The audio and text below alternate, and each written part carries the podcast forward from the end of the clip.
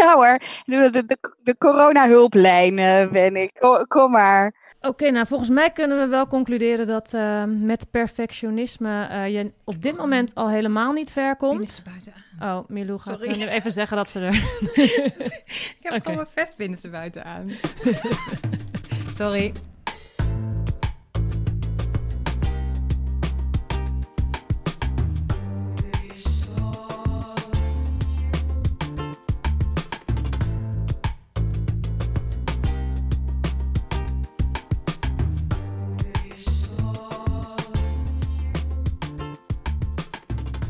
Welkom, lieve mensen, bij een speciale, ongeplande aflevering van Mom You Can. De podcast van de Club van Relaxte Moeders. Voor iedereen die werk en moederschap combineert of wil combineren. Ik ben Elspeth Teling, ik ben de oprichter van de club, schrijver van het boek Mom You Can en moeder van Kate en Teun. Deze aflevering is speciaal voor de bizarre tijd van corona waarin we nu leven. Begin deze week zat ik in een eh, hele kleine opnamestudio voor het uh, luisterboek Mom You Can. Zat ik een paar hoofdstukken in te spreken. Um, ik las Succesfactor 1 voor, en die gaat over emotioneel stabiel zijn. En ik las Succesfactor 2 over positief zijn voor. Um, succesfactoren voor meer geluk in werk en moederschap zijn dat. En ik besefte eigenlijk dat alles wat ik voorlas relevanter is dan ooit. Want hoe gaan we dit nou allemaal doen? Hoe zorg je ervoor dat er nog iets uit je handen komt, terwijl het slechte nieuws om je oren vliegt en je je kinderen 24/7 om je heen hebt. Uh, daarom in deze aflevering niet zoals eigenlijk gepland was, een verdieping van succesfactor 3. Maar gaan we aan de hand van de negen succesfactoren uit het boek kijken hoe je ervoor kunt zorgen dat het thuis allemaal een beetje loopt. En dat je je er zelf goed doorheen uh, brengt. En we, dat zijn deze keer mijn co-host Milou van Beek en ik. Hallo Milou. Hi. Goedemorgen. Goedemorgen.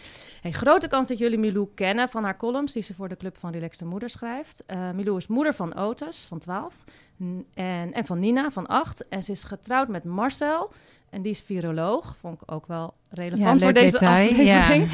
Ja. uh, en ze is auteur en journalist. Um, hey uh, Milou, hoe is het met jou vandaag? Um, ja, ik durf het bijna niet te zeggen, maar eigenlijk wel goed. Mooi. Ja. ja. Ik eh, ben gezond, dus dat is natuurlijk het belangrijkste. Ja, en daarom zitten we hier ook allebei, want we ja. zitten in een studio met z'n tweeën. Op um, afstand. Uh, en we hebben goed met elkaar gecheckt. Zijn we gezond? Niezen we? Krijgen we niks eigenlijk van ja. dat al gelukkig? Ja, dus, gelukkig. Oké, okay, dus je bent gezond. ik ben gezond. Verder.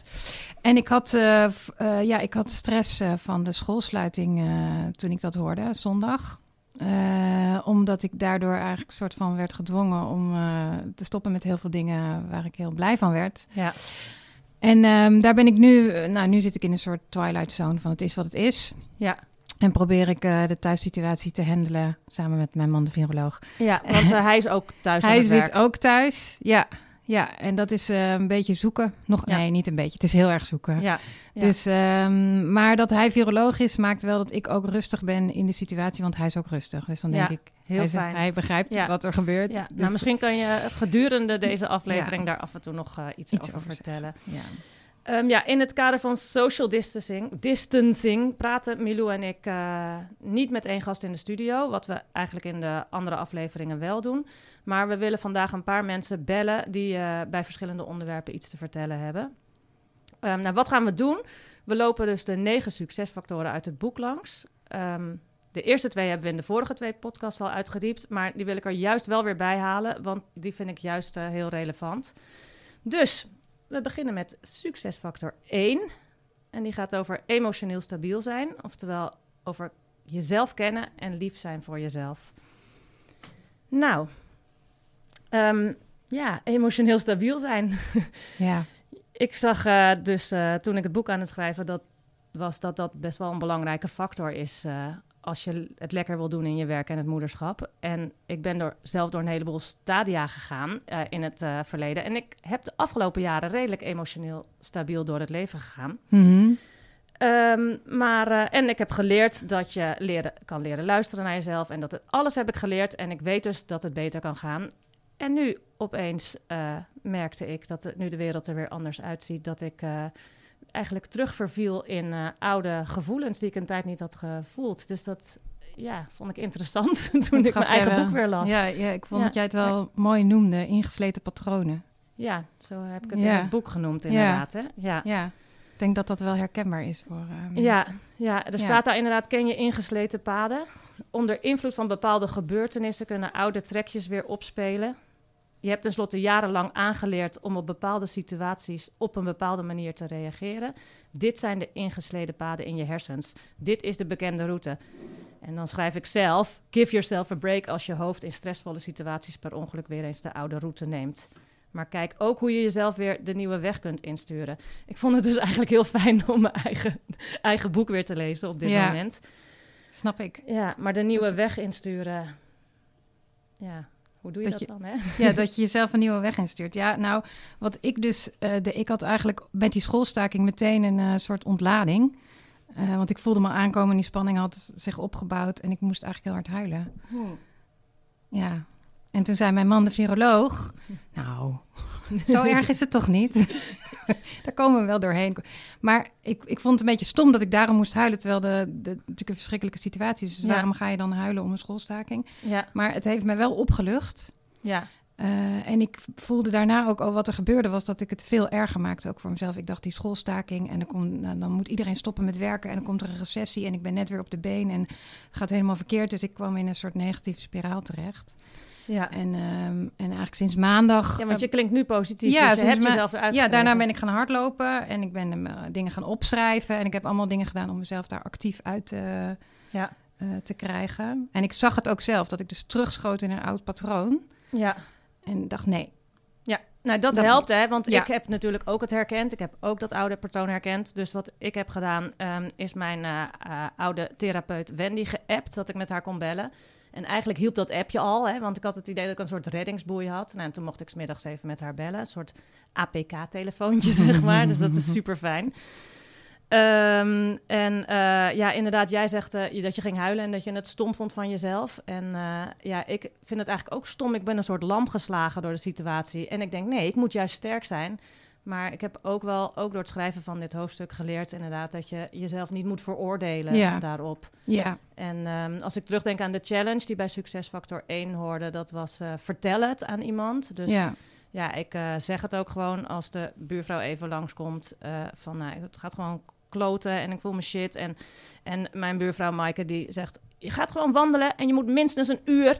En dat hielp al. Dus ik ben gisteren een uur gaan wandelen en ik voelde me echt weer beter inderdaad. Dus ja, uh, ja dus ik, ja, ik weet wel me er beter weer uit te krijgen gelukkig ja. dan jaren geleden. Ja. ja, volgens mij heeft dit alles ook heel erg veel met succesfactor 2 te maken. En uh, succesfactor 2 is word een optimist of blijf het. Um, ja, gaat dus over optimistisch zijn en dat is best wel een behoorlijke opgave als uh, alleen maar negatief berichten om je oren vliegen.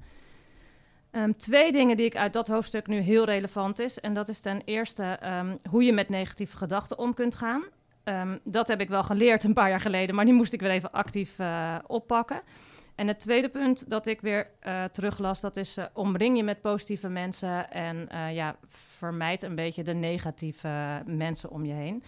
En Marmilou, jij vertelde mij dat je hier echt heel veel over geleerd hebt, ook tijdens een cursus. Ja. ja, cursus is misschien iets te eenvoudig gesteld, want het duurde drie maanden uh, en was best wel heel intensief. En ik heb daar heel erg uh, geleerd. Wat was het dan? Voor, hoe heet het? Het heet Secure-Based Coachen, sorry. Ja. En um, het is eigenlijk een coachingsopleiding. En ik heb daar heel erg geleerd om ook mijn ingesleten patronen te herkennen. Mm -hmm. En me er ook wat actiever tegen te verzetten. Dus precies wat ik ja. vertelde over die schoolstaking. Dat ik me dan realiseer dat ik in een soort negatieve spiraal schiet. Ja. Uh, en uh, ik heb daar heel erg geleerd dat dat... Ik dacht dat ik niet anders kon, maar ja. je kan wel anders. Ja, ja Als je daar dat, bewust van wordt. Ja, zeker. Een van de mensen die uh, die training begeleiden, of eigenlijk de de, degene die hem ook opgezet heeft, is uh, Jacob van Wielink. En die is partner bij de School voor Transitie. En jij hebt heel veel van hem en geleerd. En ik heb heel veel van hem geleerd. En het leek me heel leuk om uh, hem eventjes te gaan vragen of hij nog tips heeft voor ons. Goedemorgen, Jacob.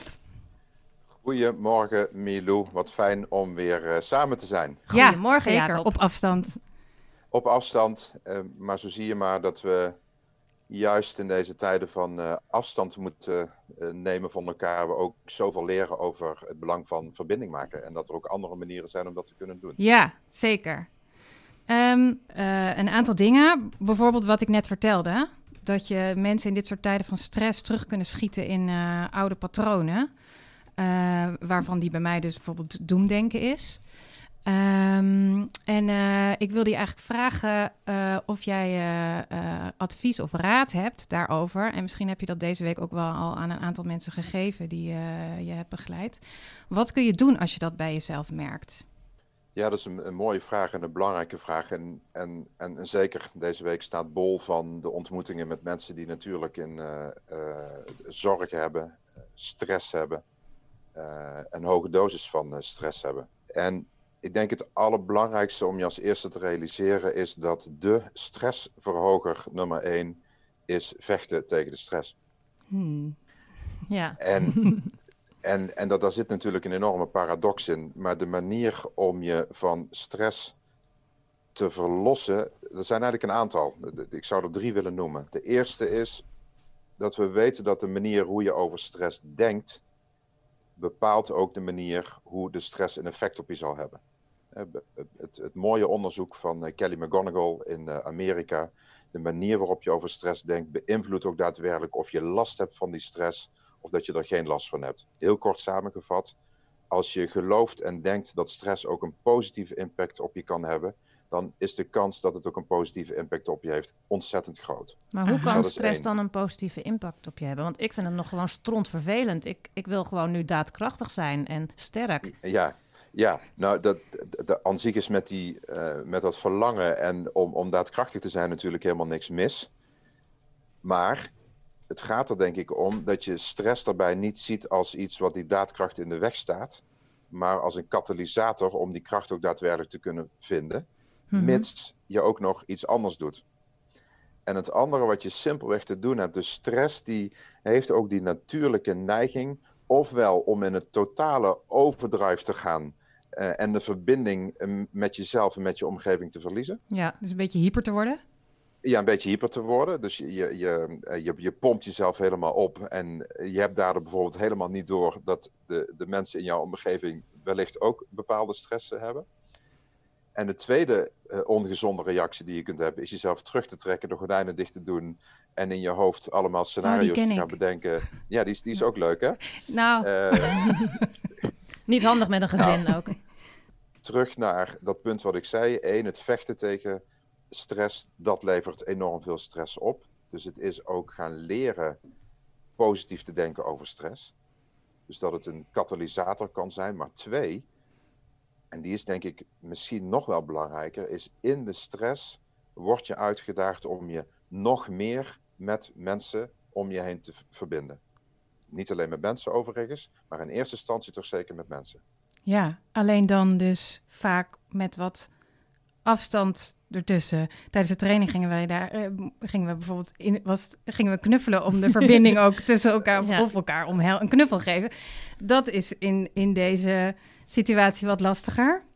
Zeker, dat is lastiger. Eh, alhoewel in het huisgezin zal dat Ja, over dat het kan. algemeen genomen denk ik wel, wel kunnen. Maar dat klopt. Dus, het, dus in deze situaties is het ook van belang om eh, videoverbindingen met elkaar te maken. En ook op afstand oogcontact te maken. Het belang van oogcontact in deze situatie wordt ontzettend helder. Ja, of gewoon een goede vriendin die je vertrouwt, bellen. Gewoon ouderwets bellen. Ja, Ouderwets bellen, eh, ouderwets een kaartje sturen. Er zijn heel veel verschillende manieren, maar in ieder geval uitreiken. Dus de, de neiging die je kunt voelen om je op te sluiten of om te denken, nou ja, mijn stress die is niks vergeleken bij die stress van Ja. de anderen. Ik, ik heb maar één kind, maar die vriendin van mij die heeft er wel vier rondlopen. Dus wat ja, zal ik haar veel niet lastig vallen? Ja, is veel erger.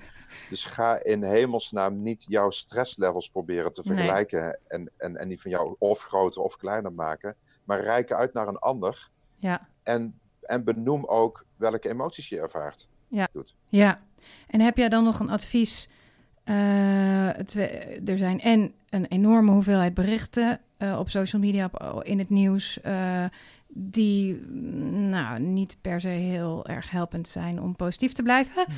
Plus Zeker. dat het soms ook zo is dat je als je uitreikt naar een ander, die ander dan ook nog kan komen met een, wat Elsbeth mij vanochtend ook vertelde, dat je dan weer verhalen hoort van iemand van 23 die op de intensive care is opgenomen met een longontsteking.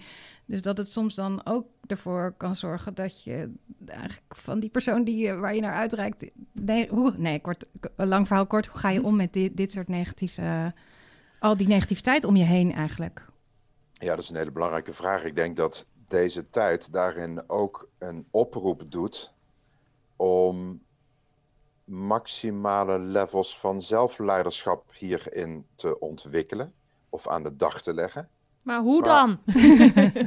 Ja, nou, dat, dat klinkt op een bepaalde manier heel moeilijk, maar het is ergens ook heel gemakkelijk. Dus op het moment dat je merkt dat je app met eh, teletext of welke app je ook gebruikt, nu.nl, of eh, dat die open staat, dat de krant voor je ligt, dat je de radio aan hebt staan, dat al die prikkels simpelweg te veel zijn. Die totale tegenstrijdigheid aan ervaringen en de ernst neemt alleen maar toe. Ja, Dat is ook het vermogen om tegen jezelf te zeggen, ik zet het uit. ja, ja. Dus ook te, te, te zoeken welke bronnen voeden mij. Natuurlijk wil je op de hoogte blijven. En het kan ook zijn dat je zegt, nou, ik kies een uur per dag of ik kies eh, twee uur per dag. Nou, dat, dat, daar vind je iets wat bij jou past.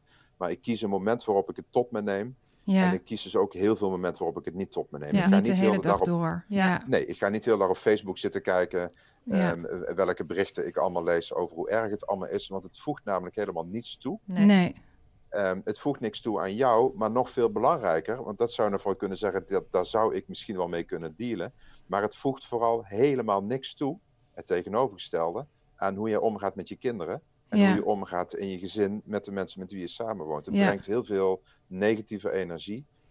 Dus je hebt er ook voor te zorgen dat je zelf schoon blijft. En dat je dus in plaats van je te veel laat afleiden door die prikkels, je ook diepgaand gaat realiseren, ook gaat reflecteren. Maar wat zijn nou eigenlijk mijn bronnen van inspiratie? Wat zijn mijn secure bases, zoals we die ook noemen? Ja, je jij- veilige... ha- ja. Ja, wat, ja, wat is je veilige plek? Ja, Waarin je eh, tot ontlading kunt komen, waarin je ook geïnspireerd kunt worden. ja, en dat is vaak niet social media of het nieuws.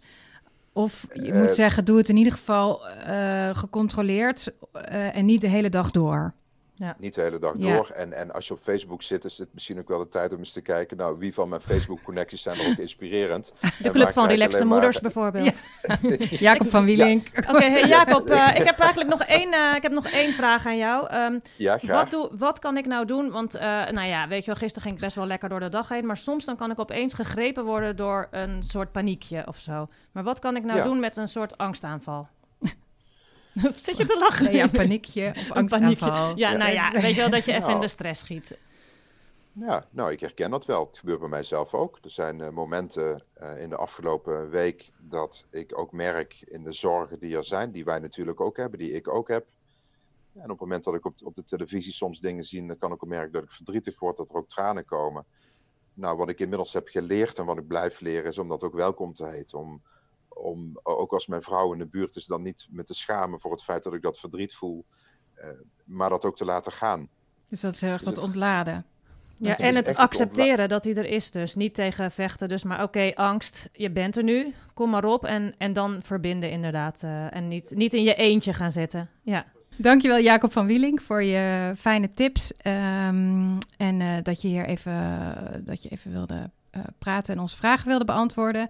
Je bent eh, partner bij de School voor Transitie, een coach. Je begeleidt ontzettend veel mensen die ook eh, worstelen met dit soort thema's. En ehm, nou, ik, we wensen jou ook sterkte en alle goeds en heel veel gezondheid.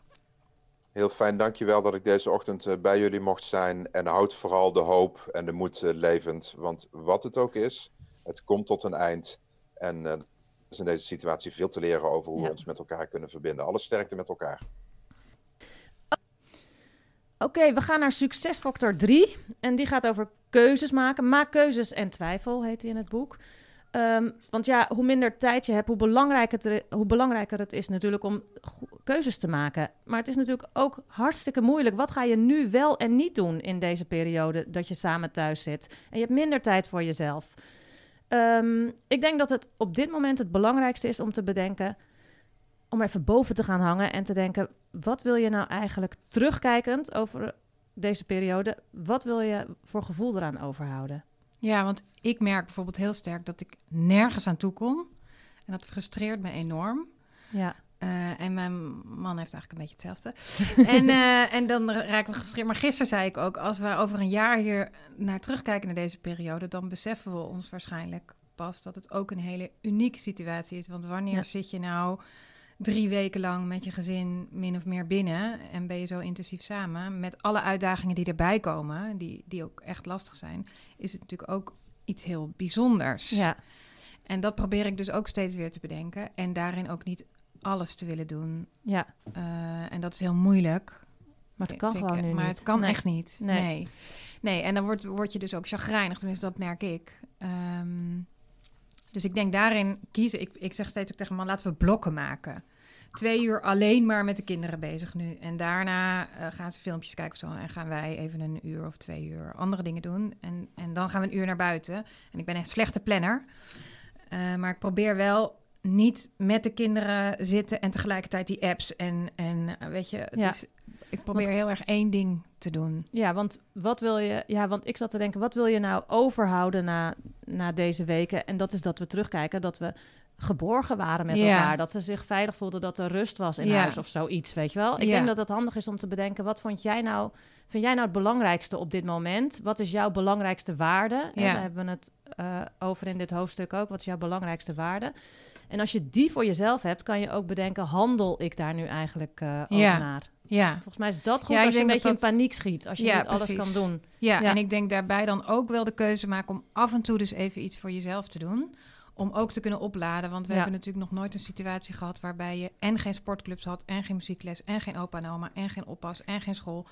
Dus, en geen kamp of weet je. Dus, dus het is heel veel. Ja, Dus je, ergens moet je ook de keuze maken om, eh, om soms even voor jezelf, eh, of dat nou wa- buiten wandelen is, of rennen, of eh, Netflix inderdaad. Maar iets voor jezelf ook, om weer op te laden en dan Ja. ook het plezier te kunnen maken Ja. thuis. Wat ook heel fijn is in deze situatie als dat lukt. ja. Dus keuzes maken is belangrijk.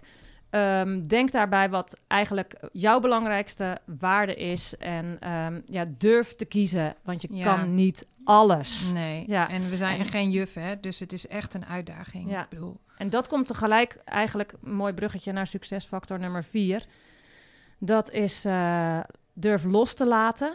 Of laat het op zijn minst vieren, heet succesfactor nummer vier. En dat gaat natuurlijk heel erg over... ehm, ja, probeer...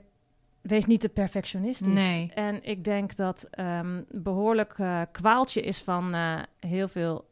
Toch wel vrouwen, denk Ja. ik. Ik weet niet hoor, maar ik heb het gevoel dat vrouwen daar meer last van hebben Ja. dan mannen.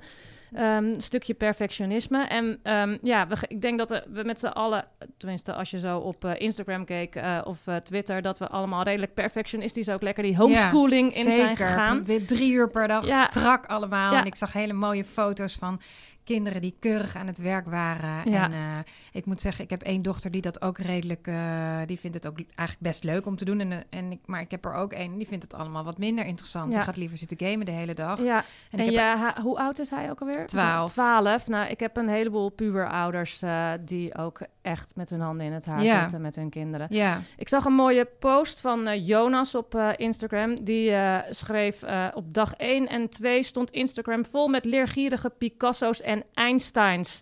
En het wordt al iets minder, zegt hij. Netjes aan tafel. Net als onze beelden in dit... Oh nee, wacht even. Nee, wacht. Ik, Ah! ik zag een post van Jonas op Instagram. En die schreef ook... Dag 1 en 2 stond Instagram vol met leergierige Picasso's en Einsteins. En dan doet hij zijn eigen verhaal dat het bij hun helemaal niet zo gaat. Ehm, Jonas, eh, die eh, woont samen met Dani. Eh, en Dani heb ik aan de lijn, want die wilde ik heel graag spreken. Hallo Dani. Hallo. Hi Dani. Eh, jij bent moeder en eh, van wie? Van Raaf van 7 en Jona van 3. Jona van drie. En ehm, jij zit op dit moment ook thuis met je man en kinderen, hè? Ja. Ja, want we moeten ook allemaal thuiswerken. En volgens mij heb jij op dit moment ook wat minder werk doordat je fotograaf bent en klussen zijn afgezegd. Ja, klopt. Uh, alle, alle shoots die zijn afgezegd. Uh, Jonas die is verplicht om thuis te werken. Uh, dus we zitten hier nu gezellig met z'n viertjes in huis. Ja, ja. en ik volg jullie al een tijdje op Instagram. En daarom weet ik ook dat jullie op een tijd geleden op wereldreis zijn geweest.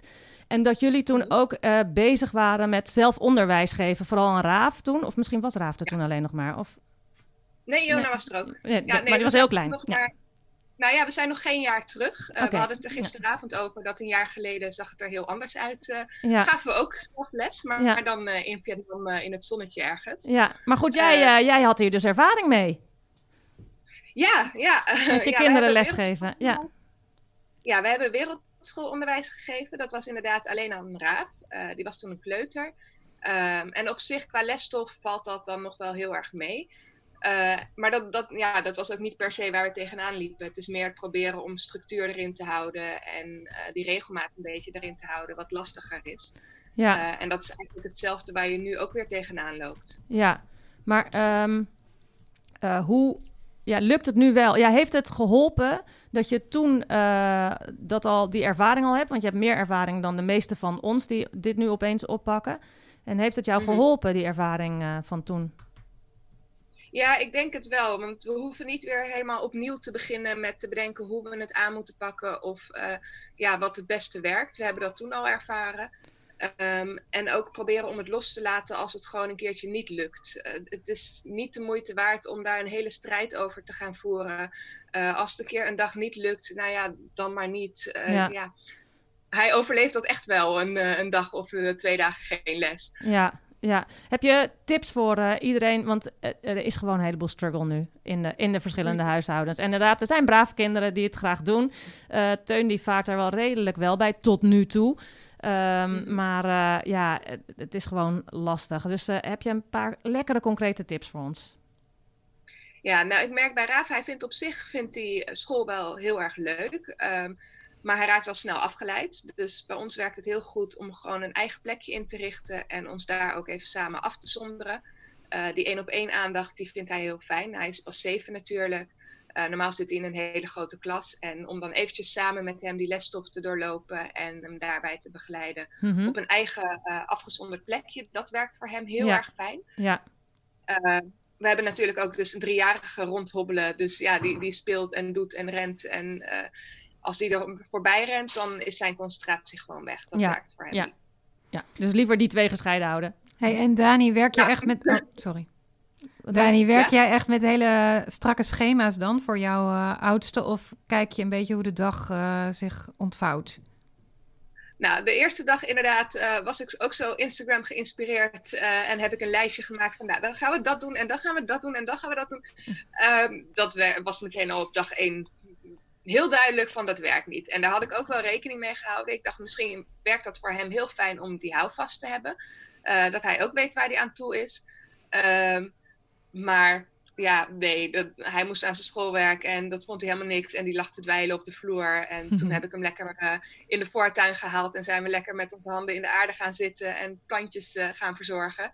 En daarna had hij wel de energie om daarmee aan de slag te gaan. Dus um, ja, er, er, zijn een paar dingen die vanuit de docenten zijn gekomen uh, die ze elke dag moeten doen. Zij willen ook het liefst dat, dat kinderen elke dag daadwerkelijk iets doen om toch een beetje in het ritme te blijven. Um, en dat heb ik hem ook duidelijk gemaakt van, nou, dit moet je van de juf doen. En dan is er, zijn er wat dingen die je mag doen. En nou ja, wanneer je dat doet, uh, ja, moet je zelf maar even kijken. Zo had hij gisteren, had hij, uh, hadden een, een, ja, een lesmoment uh, samen. En op een gegeven moment was hij het gewoon zat. En heb ik gezegd, nou ja, oké, prima. die juf wil dat je dit boekje leest. dat, daar heb je nu geen zin in, dat is prima. Maar zorg dat je dat wel ergens op de dag dan oppakt. Ja. En dan is het bij hem, werkt het vaak goed uh, s'avonds voor het slapen. Want dan probeert hij natuurlijk uit te stellen, zoals zoveel kinderen. Uh, maar ja, hij hoeft morgenochtend toch niet heel vroeg zijn bed uit. Dus als hij dan uh, dat moment wil pakken om nog wat extra dingen te doen... om zo zijn bedtijd uit te stellen, ja, heb ik daar niet zo heel veel problemen mee. Ja, hey, en um, dit, uh, deze succesfactor gaat over uh, perfectionisme of dat eigenlijk loslaten. Wat vindt de perfectionist mm -hmm. van jou hier uh, van? Nou ja, het liefst zou ik alle gebieden uh, of alle, alle uh, dingen zou ik aandacht aan besteden. Uh, het creatieve deel, het buiten zijn, het rekenen, lezen. Ehm, maar in werkelijkheid ja, lukt het gewoon niet. En de situatie is gewoon heel erg gek. Sommige dagen gaan wel heel goed en andere wat minder. Maar het is een situatie die voor ons al heel moeilijk te bevatten is en waar wij al heel weinig van begrijpen. Laat staan hoe dat is voor een zevenjarige of uh, welke ja, kind inderdaad. dan ook. Ja. Ja, ik probeer dat ook aan hem uit te leggen van ja, wat je nu meemaakt, dat is iets waar misschien jouw kinderen later wel in, de, in hun geschiedenisboeken over uh, lezen. Ja, Uh, ja, inderdaad. Dit Ja. is gewoon eerder voorgekomen uh, nu. Nee, En dus ja, dat, dat allemaal overziend moet je ook kunnen loslaten, inderdaad. Van laten ja, we, ja, precies. ja, het is zo bijzonder. Dit kan, ja, nou ja. Anyway, eh, nog één vraag heb ik aan je. Ehm, ja, jullie hebben wel veel ervaring zo met, eh, met z'n vieren en eh, met zijn. En, maar hoe kom jij zelf nog aan jezelf toe? Lukt dat een beetje de afgelopen dagen? Eh, die lach, zegt hij genoeg? Ja, dat is eh, heel moeilijk. En ook iets waar we tegenaan liepen toen we op reis waren. Je bent inderdaad gewoon 24 uur per dag op elkaar aangewezen. Ja, Ehm, en het is extra moeilijk dat je nu ook niet makkelijk even de deur uit kunt. ik zag dat Eh, Jonas die schreef dat hij zich af en toe achter de wasdroger wil verstoppen. schreef hij op zijn Instagram. Ja, Dat doet mijn man ook. Ja, het is jammer dat het niet zo makkelijk past. En met, met alle soeperij die we hebben ingeslagen om de, de tijd door te komen, dat eh, gaat ook niet goed. Nee, eh, ja, inderdaad. We hebben een kamer waar we ons kunnen afzonderen. Maar goed, daar hoor je nog steeds eh, alles. We hebben noise cancelling headphones eh, die we op kunnen zetten, waardoor we de dingen een beetje buiten kunnen sluiten. ja. Ehm, maar we hebben ook een, een hondje en daar zijn we heel blij mee dat hij af en Ja. toe naar buiten Oké, dus dat is Ja. jullie... eh, Het, het is een soort gevecht bijna wie de hond uit mag Ja, laten. ja, Dus ja. dat is best wel ja, Ik heb er dus twee. alle- jouw tip is eigenlijk neem een hond. Ja, Ja, ik heb er nou ja. twee en ik heb nog nooit meegemaakt dat het zo druk is in het bos. nee. Oké, ehm, Dani, super bedankt. Ehm, nou jongens, eh, dit was Dani. Haar, je kan haar volgen op Instagram. Two Birds and a Whale heet jouw Instagram-account. En ik ben via jou, eh, naar, bij jou terechtgekomen via je man. En zijn Instagram is Jonas de Ponas. Eh, dankjewel, Dani. En heel veel sterkte daar thuis. En ik vind het eigenlijk jammer dat er geen kind tussendoor is komen schreeuwen. Je hebt ze goed afgericht. Ja, ja je, je hebt niet gehoord wat er hiernaast gebeurde. Dat laten we even. Dankjewel. Doeg. Dag. Doei, doei. Oké, nou volgens mij kunnen we wel concluderen dat eh, met perfectionisme eh, je op dit moment al helemaal niet ver Binnen komt. ze buiten aan. Oh, Milou gaat Sorry. eh, nu even zeggen dat ze er... Ik heb Oké. gewoon mijn vest binnen ze buiten aan. Sorry. Over perfectionisme gesproken. Oké, eh, met perfectionisme eh, kom je dus niet veel verder in deze periode, al helemaal niet. Ehm, dus eh, grijp deze periode aan om juist om even te oefenen met minder perfectionistisch zijn. We gaan door naar succesfactor 5. En dat is durf te vragen, het mag echt. Tja, durf te vragen. Ehm is misschien ook wel lastig op dit moment als je minder mensen in je buurt hebt eh, ehm, op, en je veel alleen thuis zit. Maar ik denk toch wel heel belangrijk. En ik zat te denken, hoe gaan we dat dan nu doen? Ik vond het best wel een lastige dit. Maar ik merkte wel dat in onze groepsapp van de buurt... dat we elkaar toch wel helpen met boodschappen doen bijvoorbeeld. Weet je, gisteren eh, ging, eh, ging de buurvrouw die ging naar de supermarkt... en die vroeg even op de app, kan ik iets meenemen? Ja, doe ik ook, ja. ja, Ik dus- vind het heel fijn om naar de supermarkt te gaan, ondanks de lege schappen. ja, Maar het is toch een uitje. Ja, Ehm, maar en er is ook hartverwarmend veel initiatieven. eh, wel, als je wel af en toe op Facebook zit, kan je Ja. daar ook zien dat er superveel eh mensen zijn die dingen voor elkaar gaan regelen en doen. En dat vind ik echt heel mooi. eh.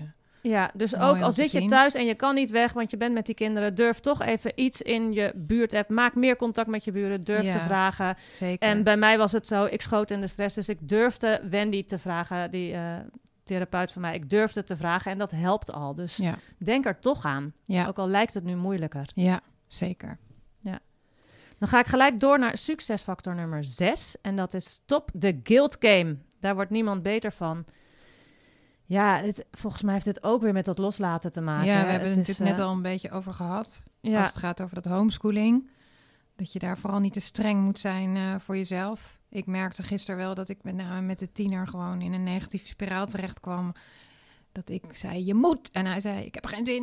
En op een gegeven moment dacht ik, laat gaan.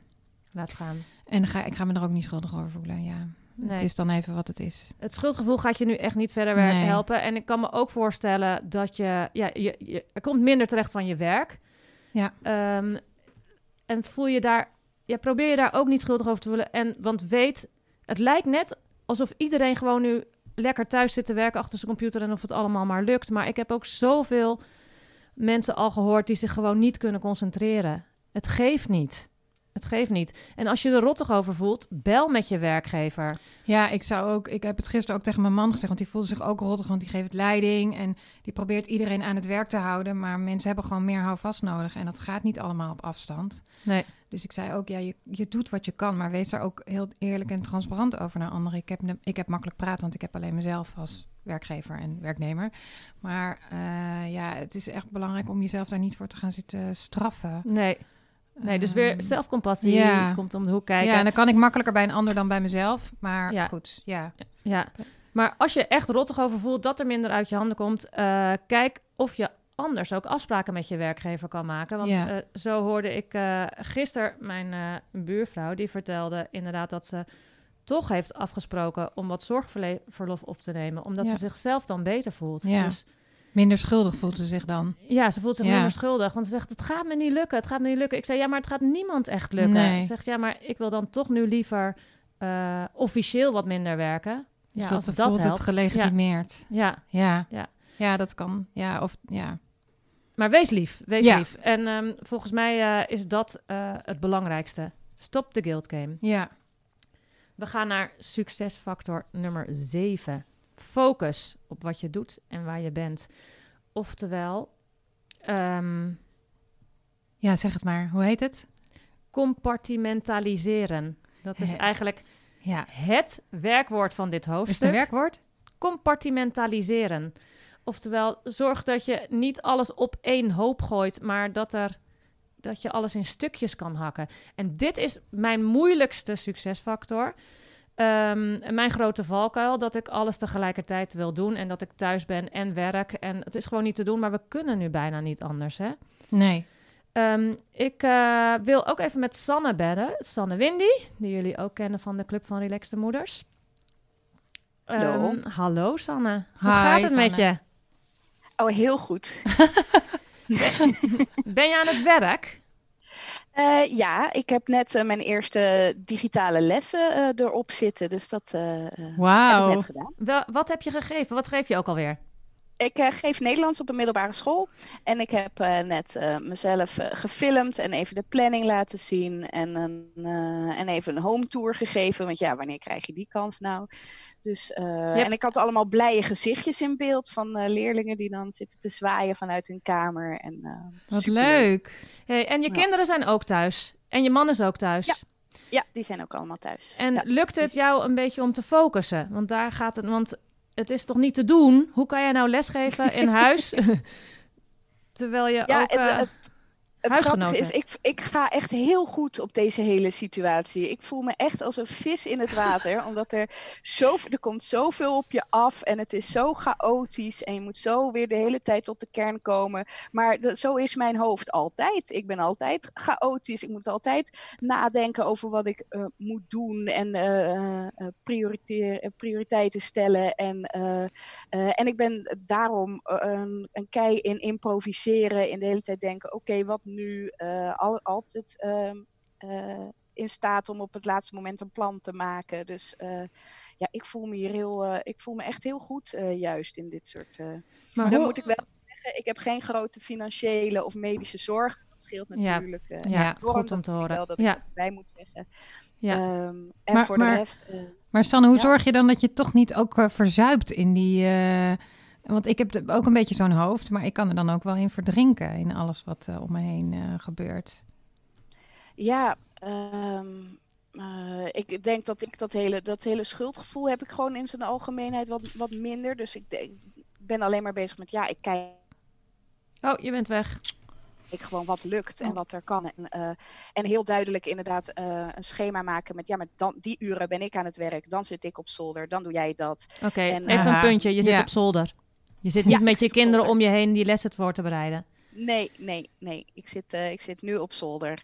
Dus de eerste twee dagen was het voor ons ook een beetje zoeken. En dan zat uh, Jeroen, mijn lief, die zat aan de keukentafel te werken. Ja, dat was echt een beetje onduidelijk dat we zo allebei half aanwezig waren de hele tijd. Ja, dat herken dus, ik heel ja, dat doen wij ja. ook, ja.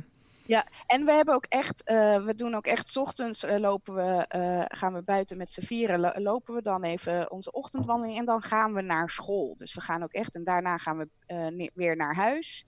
Dat is dan dus de school. Hoe ga je, oké, okay, gisteren... dus, wacht even hoor, dus je gaat naar school en dan, waar zit je dan? Ja, dan, uh, we, dus we, zijn, we hebben ontbeten, we hebben, we hebben aangekleed en daarna gaan we naar school. Dus we gaan uh, naar buiten, we gaan wandelen, we gaan even uh, langs het skateparkje, want dan kunnen ze leuk met de skielers en de step eroverheen. En daarna gaan we weer naar huis en dan is dat de school. Ik heb ook echt gisteren een schoolbelletje gedaan. Um, ja, mijn man die heeft een kus gegeven, die zei nou ik ga nu naar mijn werk. En die zei, dus daar hebben ze echt gedag gezegd en die ging met, met zijn tas ging die, naar naar de zolder toe. voor, kinderen, voor kinderen werkt het zo ontzettend goed. Ja, maar jij scheidt dus echt je rollen. En dat is eigenlijk bij dat compartimentaliseren scheid je dus inderdaad uh, het buitenspelen, het naar je werk gaan. Ja, ja ik vind het mooi. Ja. Ik vraag aan tafel, vraag ik aan Pepijn, wat heb je allemaal op school gedaan vandaag? En die ging dat allemaal vertellen, terwijl ik er de hele dag bij was oh, geweest. Ik heb dat met hem gedaan, weet je wel. Maar dat is... Uh, ja. Uh, en ik heb ook echt gezegd, nou, nu is de school weer uit. En dan... Uh, dus dat, is, dat, werkt, dat werkt echt heel goed. Grappig. Hey, ja. en, en Sanne, um, jij geeft natuurlijk les aan tieners. Heb ja. jij, en jouw kinderen zijn zelf wat jonger. En ik worstel heel erg met name met de oudste. Heb jij uh, dan daar, zie je daar ook verschil in zelf nu als juf? Dat je. Uh, ja, ik vind het met. Ik merk wel, zij zijn wel toe aan wat er zijn er best wel veel die echt al veel hebben gemaakt. Want ook zij vervelen zich. En ze gaan dat nooit toegeven dat ze het wel weer fijn vonden om les te hebben en om wat werk te doen. Maar dat merk ik wel, dat ze dat prettig vonden om wel weer wat te kunnen doen en weer wat structuur in de dag. En, uh, ja. Uh, ja, want ik heb zelf het idee dat... die groep wel wat meer een uitdaging is, ook als ouder, omdat daar gewoon meer verzet op zit ja. dan jongere kinderen. Ja, dat denk ik. Dat denk ik inderdaad ook. Ja, um, ja en tegelijk, wij, uh, onze school die heeft wel heel duidelijk steeds gecommuniceerd met wat er verwacht wordt. Ja. En die heeft ook uh, gedragsregels opgesteld voor uh, die digitale lessen. Ja, je, je, aanwezigheid is ook daar verplicht. Ja. En ja, weet je, ik maak er ook een grapje van. Zeggen, ze vragen, oh, kan ik gewoon slapen in de les? ja. ja. moet je even je camera uitzetten? Ja, ik heb het dan, ik heb het dan niet door, weet je. Uh, dat soort dingen kunnen wel. En uh, ja, en wat als ik nou te laat kom? En nou ja, dan moet je dus thuis corveeën. Dus dan moet je de afwasmachine in en uitruimen. Oh, wat fijn. En uh, ja, toch? Daar help je ouders heel erg mee. Ja, die, die hebben het ook mega druk. Ja. Dus, ja, en ik zag op Twitter dat je ook schreef dat een leerling had gevraagd: ja, wat als, wat als ik niet op zit te letten of zoiets? Wat was dat ook alweer ja. vraag? Die vond ik ook leuk. Jouw antwoord dan. Hoe, hoe, controleert u nou of ik dan wel de hele les heb opzitten? Dus dat je niet hebt zitten uh, slapen. Dus zeg je, ja, maar ik ga in de uitleg, laat ik af en toe een wc-rol voorbij vliegen. en dan moet je dus aan het eind moet je dus wel opgeteld hebben. Dus ah. moet je even wel opletten hoeveel je er voorbij hebt. ja, ja. oké. Okay, um, ehm, nou, blijf even hangen. Dan gaan we gezellig door naar de volgende succesfactor. Dit was in ieder geval even uh, focussen kun je alleen als je goed compartimentaliseert. Dus probeer ook als je thuis bent en alles één brei lijkt, probeer toch of je je rollen kunt scheiden van elkaar. De ene keer ben je een beetje meer de juf, de andere keer uh, de moeder en de andere keer de partner. En dat is het bruggetje naar succesfactor nummer 8. Um, um, ja, die kan ook wel eens lastig zijn. En namelijk succesfactor 8 is hier: wees een team, geen concurrenten. En ja, je zit op elkaars lip nu, mensen. Uh, je bent, uh, ja, uh, gaat het lukken om toch een team te zijn? Hoe gaat het, Milou, hoe gaat het bij jou met je team? Wisselend. ja, mijn teammate is viroloog, dus dat zeg ik nog een keer. Dus dat is toch heel fijn in deze virologische crisis. Ja. maar het is wel zoeken naar wie wanneer werkt. En, en ik merk dat het een valkuil is Eh, om dan niet te gaan zeggen van god, jij hebt vandaag al twee uur. Ik ben nu eh, aan de beurt. Dus eh, daarover moeten we steeds in overleg blijven. En ook met een tiener die best wel tot, zeg maar, tot half tien of zo op de bank zit. Ja. Dan blijft er gewoon heel weinig tijd nog over. eh, eh, nou ja, zowel samen als dat je, of s s'avonds als je misschien nog wat dingen wilt doen. Dus het is steeds, ik moet er alert op zijn dat we niet belanden in eh, ja, verwijten naar elkaar eh, over wie wat wanneer doet. Ja, ja. Ja. Sanne, hoe gaat het met jouw team? Spirit? Ja, heel goed. Heel goed. We, hadden wel, ehm eh eergisteravond hadden we ook echt knallende ruzie om eh, eh, wie heeft wat nodig en wie doet wat en wat werkt nou wel en wat werkt niet. Maar voor de rest doen we het wel echt heel erg samen en ehm, is dat heel fijn. Ja, ja. ja bij mij, ik zal ook mijn situatie nog even toelichten. Mijn man Henno, die, ja, al zijn opdrachten zijn uit zijn agenda verschoven. Dus Ah, ja. hij heeft tijd om, ja, hij is eigenlijk heel erg aan het zorgen. Wat fijn is dat ik een beetje door kan werken. En omdat ik wat minder goed eh, in mijn vel zat, eh, is het fijn dat eh, hij gewoon lekker aan het zorgen is en de structuur erin houdt. Dus ja, ik vind ons nu ook wel een, een, ehm, een, een, een lekker team. Ehm, in dit hoofdstuk, eh, ehm, in, bij deze succesfactor, had ik het ook eh, gehad over maternal gatekeeping. Hè, dat dat een valkuil is voor veel moeders. Eh, dat betekent dat je het idee hebt dat de zorgtaken, dat jij die beter kan. En maternal gatekeeper is eigenlijk de vrouw die zegt... oh, laat mij het maar even doen. Die eigenlijk alles op zich pakt en weinig aan haar man overlaat. Eh, herken jij jezelf als maternal gatekeeper? Eh, ja, bedenk dan dat je het daar niet mee redt. Je moet het samen doen. Je moet, jij kan nu niet meer alles eh, voor elkaar Nee, en ik denk dat dat voor veel gezinnen ook wen is, omdat we toch nog best traditioneel in een systeem kunnen zitten waarin de vrouw meer doet. Ja. En nu heb je die man ook ineens om je heen die er wel is, maar misschien ook heel veel aan het werk is. Dus voor de kinderen kan het ook verwarrend zijn van papa is er wel, maar is hij ook er echt? ja. En, en wat durf ons je... was het eerder andersom deze keer. Wij hadden no- normaal eh, is Jeroen veel meer van eh, de zorgtaken en eh, zorgen dat het allemaal in orde is en zo. En nu was ik, want er wordt nu schooltje gespeeld. Ja, hé, dat is mijn Taak, zeg ja. Dus nu was ik de hele tijd bezig met ehm, eh, vertellen hoe we dat moesten doen en hoe hij dat dan moest doen. En, eh, ehm, dus dat was ook weer voor mij een leerpunt inderdaad, om het nu de, ook los te laten. En, eh, Loslaten, ja. Ja, want Ja, ik vind dat ook, dat, ja. ja. dat is echt best moeilijk, om dat dan vervolgens ook als eh, Marcel, mijn man, het doet, om daar dan ook buiten te blijven. Dus om op, Ja. op de zolder te gaan zitten of bo- en dan maar, ja, laat hij maar nu doen zoals hij het wil doen. Ja, precies. Ja, is grappig, want ik kende dat nog niet van mezelf. En dat had ik nu dus ineens wel, omdat het... Ja.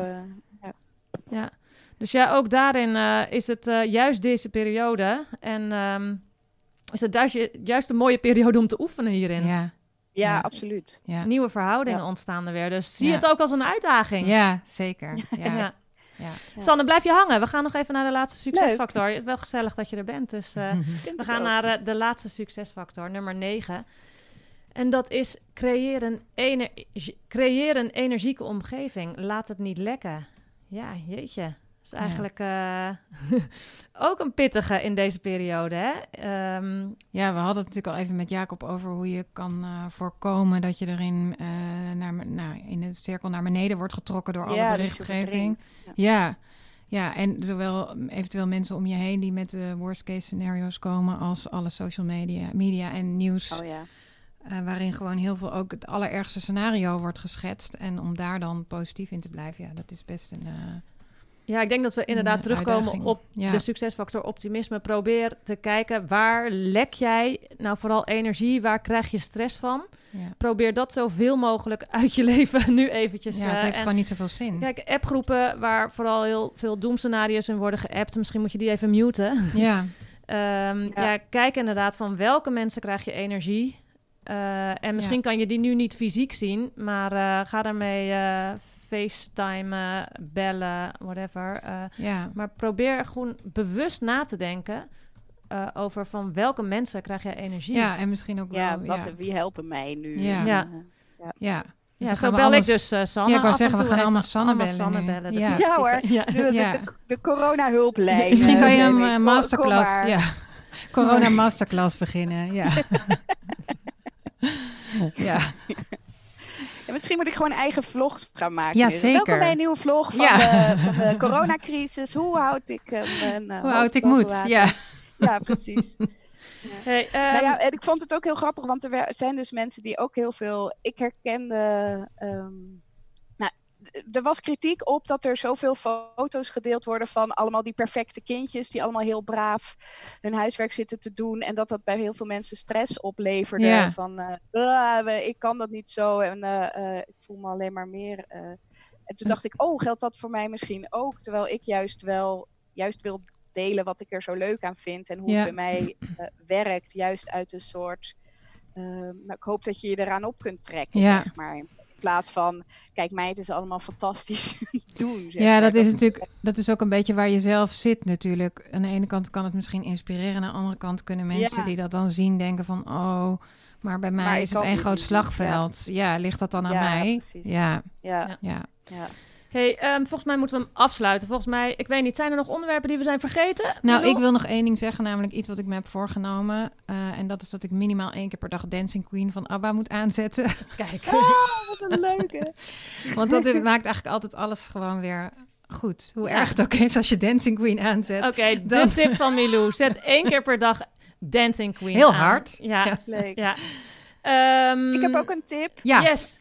Mijn tip is, dit is de, het moment om rituelen te eh, bedenken. Dus om rituelen te bedenken om je school te starten, of om je rustmoment, eh, of om eh, met elkaar te eten, zeg maar. Dus dat soort dingen helpen je met hou vast in de dag.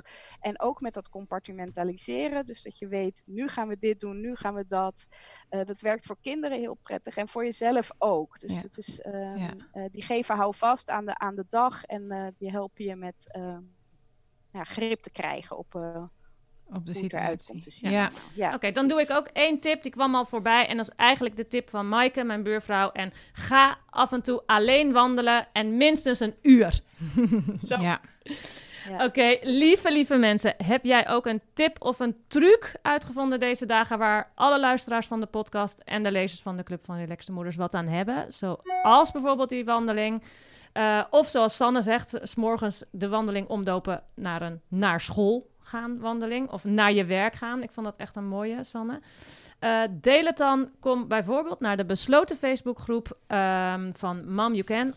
Eh, of mail me op elspet.clubvanrelaxtemoeders.nl We hebben volgende week een nieuwe aflevering. Dan komt wel helemaal uitgediept succesfactor 3. Eh, dus dan gaan we de diepte in over keuzes maken. Dit was hem mensen voor vandaag. Lieve Milou, super bedankt dat je hierheen bent gekomen in deze gesteriliseerde Ja. studio. En Met eh. Sanne, het was ook fijn om jou op afstand eh, te spreken. Hartstikke bedankt. We gaan even zwaaien naar. Sanne vanaf hier. Doeg, Sanne. Tot volgende keer. Doeg. Bedankt voor het luisteren, lieve mensen.